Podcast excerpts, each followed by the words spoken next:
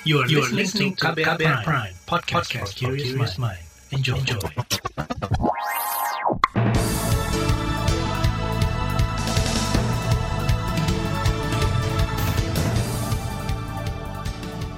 Selamat pagi saudara, kembali kami menjumpai Anda di Buletin Pagi KBR edisi Senin 24 Januari 2022 bersama saya Ardi Rosyadi.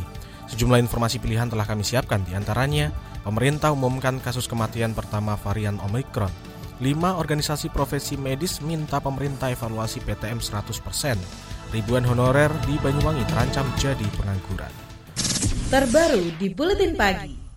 Saudara Kementerian Kesehatan Kemenkes mengumumkan kasus kematian pertama varian Omicron COVID-19 di Indonesia. Korban meninggal merupakan dua warga berusia lanjut atau lansia. Sejumlah sumber mengabarkan kedua korban meninggal karena memiliki gejala berat dan salah satu dari mereka memiliki komorbid. Hingga kemarin, Kementerian Kesehatan belum membeberkan jenis penyakit kedua pasien Omicron yang meninggal tersebut. Pemerintah hanya merincikan bahwa pasien berusia 64 tahun tersebut berjenis kelamin laki-laki, sementara usia 54 tahun merupakan seorang perempuan. Perkembangan pandemi COVID-19 di Indonesia terus menunjukkan pemburukan. Kasus harian infeksi COVID-19 naik berkali-kali lipat. Pada minggu kemarin, jumlah tambahan kasus baru infeksi COVID-19 tercatat sebanyak hampir 3 ribuan kasus, sementara sehari sebelumnya penambahan kasus lebih dari 3.200 kasus. Padahal per 31 Desember 2021, kasus infeksi harian berada di 180. Artinya, dalam kurun waktu 3 pekan terakhir, kasus COVID-19 di tanah tanah air sudah naik sampai 17 kali lipat. Tak hanya itu, per 21 Januari kasus varian Omikron di Indonesia berjumlah lebih dari 1000 kasus.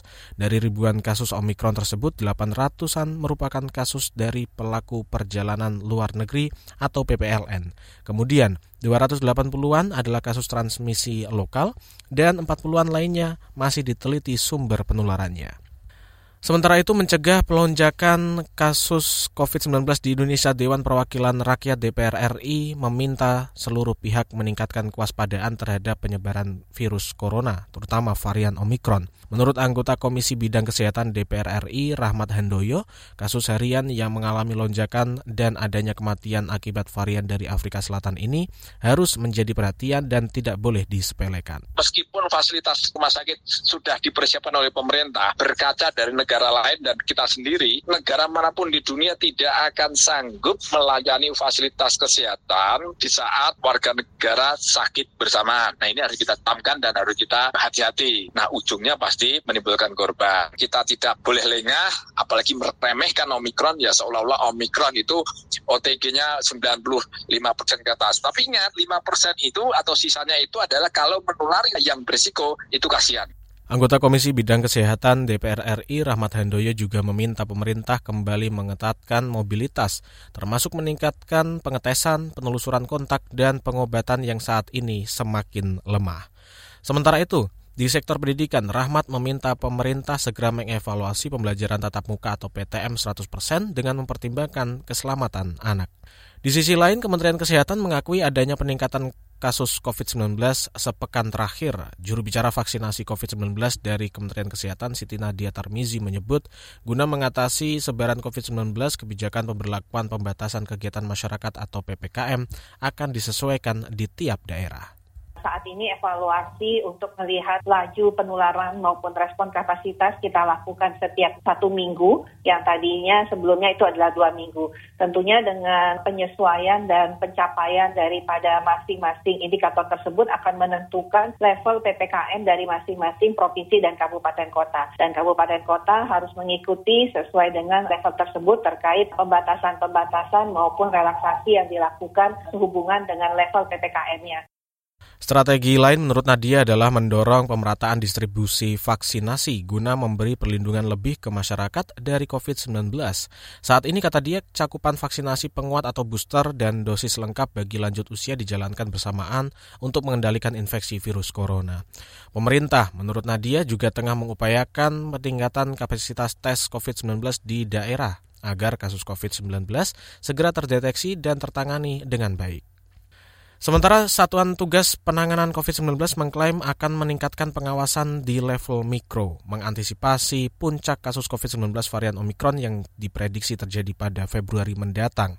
Ketua Bidang Penanganan Kesehatan Satgas COVID-19 Alexander Kaliaga Ginting mengatakan, berdasarkan pengalaman puncak kasus varian Delta Juli lalu, kini pihaknya menyiapkan sejumlah antisipasi. Ini lesson learned kita di bulan 7 di bulan 7 kenapa kita sampai kewalahan di rumah sakit, kewalahan obat, kewalahan oksigen karena pengendalian di sektor hulunya kita telat. Jadi oleh karena itu dari sekarang di sektor hulu ini tidak boleh telat. Itu tadi Ketua Bidang Penanganan Kesehatan Satgas COVID-19 Alexander Kaliaga Ginting. Sebelumnya, juru bicara Satgas Penanganan COVID-19 Wiko Adhisa Smito meminta pemerintah daerah di wilayah Jakarta, Bogor, Depok, Tangerang, dan Bekasi mengantisipasi lonjakan kasus COVID-19 akibat varian Omikron. Kata dia, potensi importasi kasus di wilayah aglomerasi sangat tinggi lantaran tingginya mobilitas masyarakat. Menyikapi tingginya angka COVID-19 beberapa waktu terakhir, epidemiolog dari Universitas Indonesia Hirmawan Saputra meminta pemerintah meningkatkan kapasitas pengetesan atau testing untuk mendeteksi penularan COVID-19. Menurutnya, pengetesan perlu dilakukan untuk mengantisipasi lonjakan kasus, terutama ancaman gelombang 3 COVID-19 di Indonesia adanya upaya aktif case finding namanya. Menemukan kasus secara cepat dan secara proaktif itu untuk dilakukan isolasi dan containment ya, case containment namanya. Kalau kita bisa menemukan kasus secara cepat, kemudian mengisolasinya melalui kebijakan karantina atau perawatan di rumah sakit, maka upaya untuk melakukan flattening the curve atau pelandaian kurva itu akan mencegah puncak kasus secara signifikan yang sudah diprediksi sebelumnya.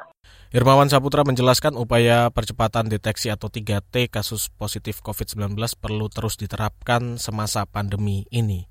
Kebijakan pengetatan, kata dia, perlu diimbangi dengan mekanisme pengawasan kedisiplinan masyarakat yang komprehensif terutama di daerah dengan peningkatan kasus yang tinggi. Epidemiolog juga meminta pemerintah terus menggalakkan kampanye disiplin protokol kesehatan ke masyarakat. Selain mempercepat pengetesan, pemerintah juga didesak untuk mempercepat distribusi vaksin. Berdasarkan catatan Kementerian Kesehatan, cakupan vaksinasi dosis lengkap bagi lansia baru mencapai 50 persen. Padahal distribusi vaksin untuk lansia ini sudah dimulai sejak bulan Maret tahun lalu.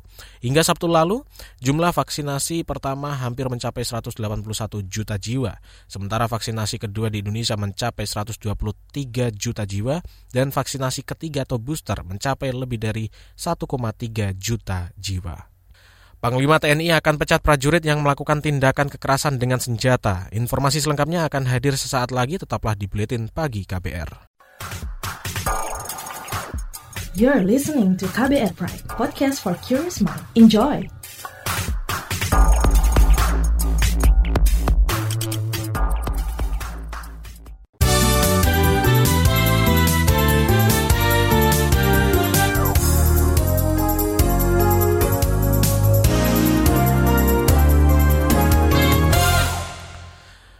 Saudara Panglima TNI Andika Perkasa menyatakan akan menindak tegas prajuritnya yang melakukan tindak kekerasan. Andika juga memastikan prajurit pelaku tindak kekerasan akan disangsi pemecatan jika menggunakan senjata. Kalau pakai senjata itu kan berniat. Lain kalau misalnya tangan kosong itu masih beda lah. Kalau tadi sudah menggunakan alat, senjata tajam, harus dipecat. Panglima TNI Andika Perkasa menyatakan prajurit yang menggunakan kekerasan saat menghadapi masyarakat pantas diberi sanksi berat agar menjadi efek jerah. Kata dia, pelanggaran hukum yang dilakukan anggota TNI akan diusut tuntas tanpa pandang bulu. Saudara Kementerian Hukum dan HAM meminta pemerintah Provinsi Bali mengawasi ketat warga asing yang tiba di provinsi itu. Menurut Menteri Hukum dan HAM Yasona Lauli, pengawasan ketat WNA dan delegasi menjelang G20 nanti ini harus mulai diperhatikan agar tidak terjadi lonjakan kasus khususnya Omikron. Saya kira sudah dipersiapkan dengan baik. Kita harapkan pandemi ini dapat segera berakhir. Ini tetap menjadi uh, pantauan pemerintah secara dinamis. Kami akan terus uh, berpikir bagaimana supaya kehidupan masyarakat di sini melalui turisme akan berjalan.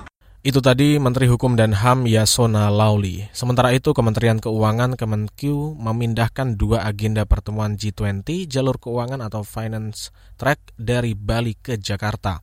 Hal itu lantaran adanya penyebaran COVID-19 khususnya varian Omikron. Masih seputar COVID-19, lima organisasi profesi medis meminta pemerintah mengevaluasi pembelajaran tatap muka atau PTM 100% di kelompok usia kurang dari 11 tahun. Evaluasi itu diminta seiring meningkatnya pasien tertular COVID-19 varian Omikron di Indonesia. Dalam keterangan tertulisnya, Ketua Perhimpunan Dokter Paru Indonesia Agus Dwi Susanto menyebut kepatuhan anak usia 11 tahun ke bawah terhadap protokol kesehatan juga belum 100%, termasuk belum lengkapnya vaksinasi anak usia kurang dari 11 tahun. Bahkan, tambah Agus, laporan dari beberapa negara proporsi anak yang dirawat akibat varian Omikron lebih banyak dibandingkan varian sebelumnya. Lima organisasi profesi medis ini juga mengusulkan anak dan keluarga diperbolehkan memilih pembelajaran tatap muka atau pembelajaran jarak jauh berdasarkan kondisi dan profil risiko masing-masing keluarga. Beralih ke informasi ekonomi, Kementerian Pariwisata dan Ekonomi Kreatif menyebut subsektor aplikasi dan game memiliki peluang untuk terus berkembang. Menteri Pariwisata dan Ekonomi Kreatif Sandiaga Uno menyebut di 2020 sektor itu menyumbangkan 24,8 triliun rupiah di program pemulihan ekonomi nasional. Saya yakin tantangan yang besar akan menghasilkan inovasi yang besar. Sektor pariwisata dan ekonomi kreatif akan segera bangkit dan saya optimis ekonomi Indonesia akan segera pulih dan tentunya membuka geliat ekonomi dan lapangan pekerjaan. Menparekraf Sandiaga Uno menambahkan, pameran-pameran berbau teknologi juga dapat meningkatkan kapasitas dan kapabilitas pelaku ekonomi kreatif subsektor aplikasi dan game. Sementara itu, informasi lainnya, Kementerian Pekerjaan Umum dan Perumahan Rakyat PUPR akan memberi keringanan izin usaha konstruksi. Menteri PUPR Basuki Hadi Mulyono dikutip dari Antara mengatakan, keringanan itu diberikan untuk mempermudah iklim usaha jasa konstruksi. Kata dia, jasa konstruksi menjadi salah satu sektor yang masih bisa berjalan dengan baik, terbukti dari terserapnya 94 persen anggaran di kementerian di 2021 lalu. Kementerian PUPR juga akan memberikan relaksasi izin usaha yang sejalan dengan Undang-Undang Cipta Kerja terkait kemudahan berusaha. Sementara itu, negara mendapatkan 570 miliar dari program pengungkapan sukarela PPS atau Tax Amnesty Jilid 2 per Sabtu pekan lalu. Dikutip dari pajak.go.id, angka itu berasal dari setoran pajak penghasilan PPH yang didapat dari pengungkapan harta bernilai 5,2 triliun rupiah. Adapun wajib pajak yang mengikuti teks amnesti jilid 2 itu sebanyak 6.800-an orang. Sementara deklarasi harta wajib pajak dari dalam negeri dan repatriasi sebanyak 4,3 triliun dan deklarasi wajib pajak dari luar negeri sebesar 549 miliar rupiah. Program teks amnesti jilid 2 ini dimulai sejak 1 Januari lalu. Harta yang dilaporkan merupakan aset yang diperoleh wajib pajak sejak 1 Januari 1985 sampai 31 Desember 2015. Kita ke informasi mancanegara. Pemerintah distrik Fengtai di Beijing, China menyelenggarakan tes asam nukleat untuk mendeteksi COVID-19 bagi semua penduduknya kemarin. Hal itu dilakukan menjelang penyelenggaraan Olimpiade musim dingin Februari mendatang. Terdapat 6 kasus penularan lokal di Fengtai dan 9 kasus keseluruhan di Beijing pada 22 Januari lalu. Otoritas Beijing juga meminta penduduk di Fengtai tidak meninggalkan kota dan menghindari pertemuan massal. Dari informasi mancanegara kita beralih ke berita olahraga. AC Milan bermain imbang 0-0 melawan Juventus dalam laga lanjutan Liga Italia di San Siro Senin dini hari tadi. Keduanya saling tebar ancaman gol, di antaranya dari kaki Rafael Leao dan Paulo Dybala. Pada menit ke-28, Milan harus kehilangan Zlatan Ibrahimovic, penyerang asal Swedia itu mengalami cedera dan harus digantikan oleh Oliver Giroud. Pertandingan berjalan semakin sengit, Memasuki sisa waktu pertandingan babak kedua, Giro sempat mendapatkan beberapa peluang, tetapi penyelesaian akhirnya tak memuaskan dan upaya Juventus untuk mencetak gol juga tidak membuahkan hasil. Di bagian berikutnya kami hadirkan laporan khas KBR yang mengulas tema potret ketimpangan akses layanan kesehatan mental. Nantikan sesaat lagi. You're listening to KBR Pride, podcast for curious mind. Enjoy!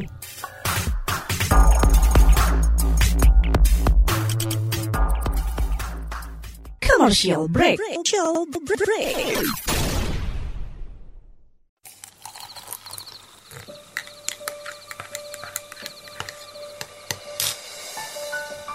Hai, kamu apa kabar? Masih suka menikmati senja dan kopi? Aku masih ingat kebiasaan kita. Sehabis pulang kerja, selalu mencari tempat untuk sekedar ngobrol dan ngopi. Tapi kadang kita kehabisan bahan obrolan. Aku masih melakukan hal yang sama sampai sekarang tanpa harus takut habis bahan buat ngobrol. Karena aku selalu mendengarkan KBR sore dari Senin sampai Jumat jam 4 sore. Ah, aku rindu. KBR Inspiratif Terpercaya.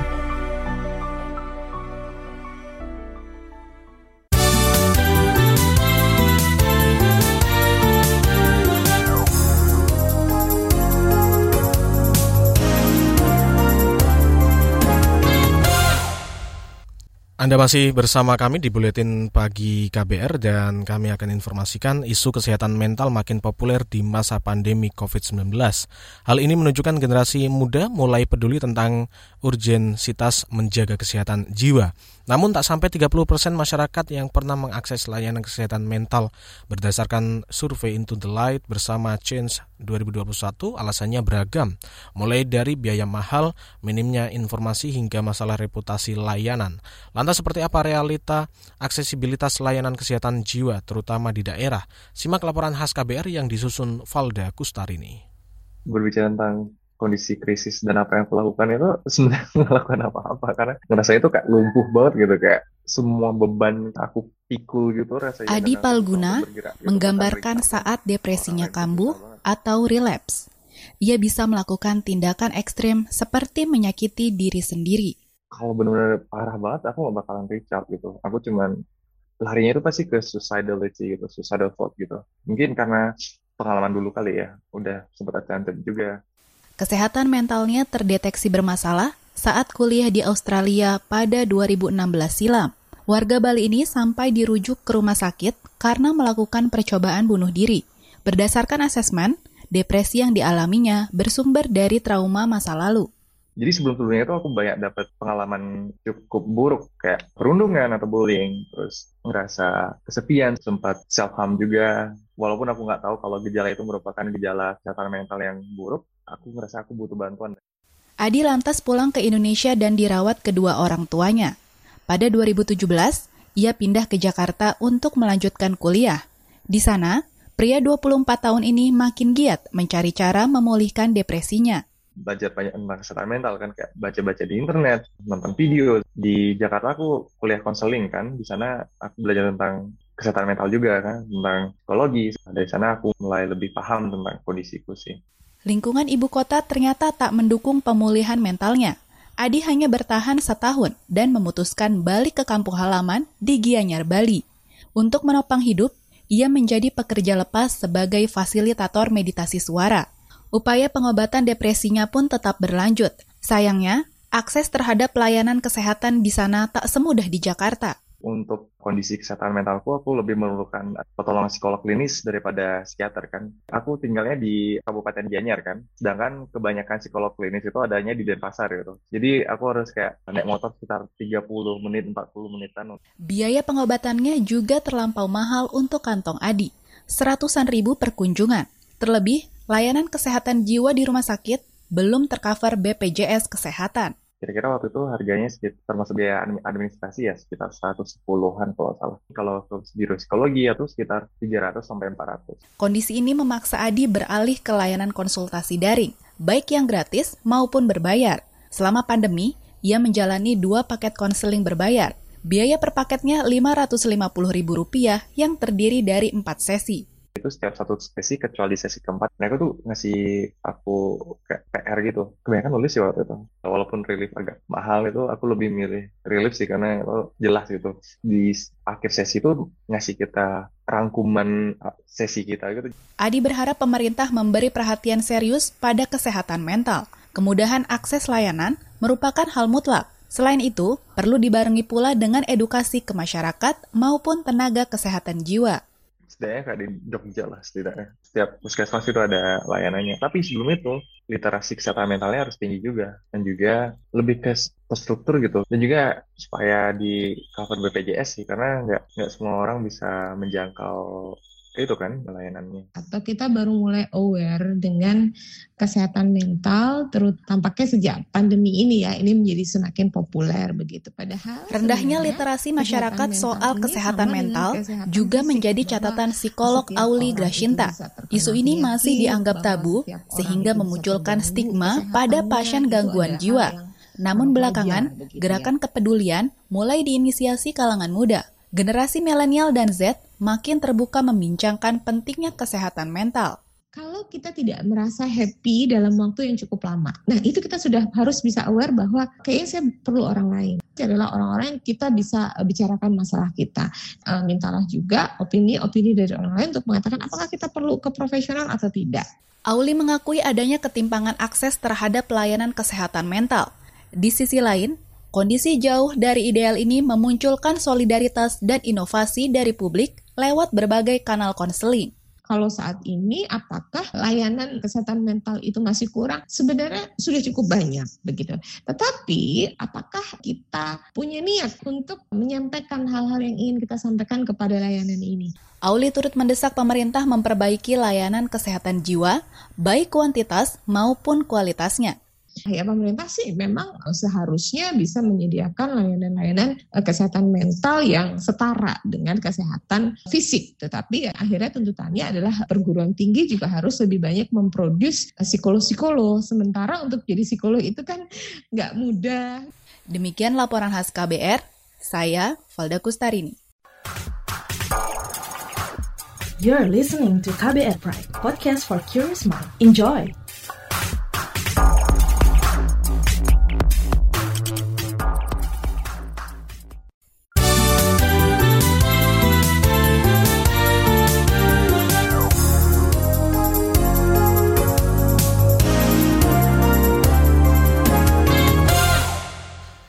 Inilah bagian akhir buletin pagi KBR. Sebanyak 6 ribuan honorer atau tenaga harian lepas THL di lingkungan pemerintah Kabupaten Banyuwangi, Jawa Timur terancam menganggur. Menurut Kepala Badan Kepegawaian dan Diklat BKD Banyuwangi Nafiul Huda, hal itu imbas rencana penghapusan pegawai honorer atau THL serentak di 2023 mendatang. Apalagi untuk menjadi pegawai pemerintah dengan perjanjian kerja atau P3K, honorer ini terbentuk terbentur usia. Nah sebenarnya sih kami pada tahun dua tahun kemarin satu tahun kemarin sudah mengawali untuk pengurangan pengurangan. Namun demikian kan dari berbagai pihak ada ada ketidaksetujuan sehingga uh, untuk langkah berikutnya uh, kami akan menunggu uh, surat atau edaran dari uh, Kementerian Pan RB. Yang jelas kita harus mengoptimalkan uh, sumber daya yang ada dengan IT, dengan digitalisasi ya. Kepala BKD Banyuwangi Nafiul Huda menambahkan saat ini honorer terbanyak ada di Dinas Pendidikan sekitar 3.000 orang, di bidang kesehatan 1.800-an orang, dan di bagian teknis lainnya mencapai 1.500-an orang. Masyarakat anti Korupsi Indonesia atau MAKI melaporkan adanya dugaan pungutan liar atau pungli yang diduga dilakukan ASN Bea Cukai terhadap perusahaan jasa kurir di Bandara Soekarno-Hatta ke Kejaksaan Tinggi Banten. Dalam keterangannya, Koordinator MAKI Boyamin Saiman telah melaporkan dugaan pungli itu melalui akun hotline Kejati Banten. Bonyamin menyebut peristiwa dugaan pungli itu terjadi pada April 2020 hingga April 2021. Modusnya menekan perusahaan jasa kurir berupa ancaman tertulis maupun verbal dan meminta setoran sebanyak Rp5.000 per kilogram barang kiriman dari luar negeri dengan total 1,7 miliar rupiah. Maki juga mengklaim akan mengawal laporan ini dalam bentuk gugatan pra peradilan jika proses penanganannya mangkrak. Informasi dari Banten tadi menutup jumpa kita di Buletin Pagi hari ini. Pantau juga informasi terbaru melalui kabar baru, situs kbr.id, Twitter kami di akun @beritaKBR serta podcast di alamat kbrprime.id. Akhirnya saya Ardi Rusyadi bersama tim yang bertugas undur diri. Salam.